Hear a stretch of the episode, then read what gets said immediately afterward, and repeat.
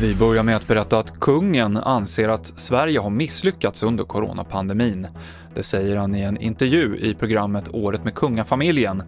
Det är ett stort antal som har avlidit och det är fruktansvärt, säger kungen i ett klipp som SVT har lagt ut. Igår kväll så skulle 5000 personer bänka sig framför skärmarna för att streama Måns Zelmerlöws och Per Anderssons julshow. Men utsändningen kraschade och det blev ingen föreställning. Nu säger arrangören Hamburger Börs att det var en cyberattack som gjorde att utsändningen blev överbelastad och att det utreds vad som hände.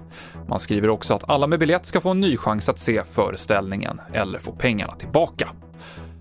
Och livet för skogsharar är mer riskfyllt på grund av klimatförändringar. När det blir fler dagar utan snö så försvinner deras förmåga att kamouflera sig med den vita vinterpälsen.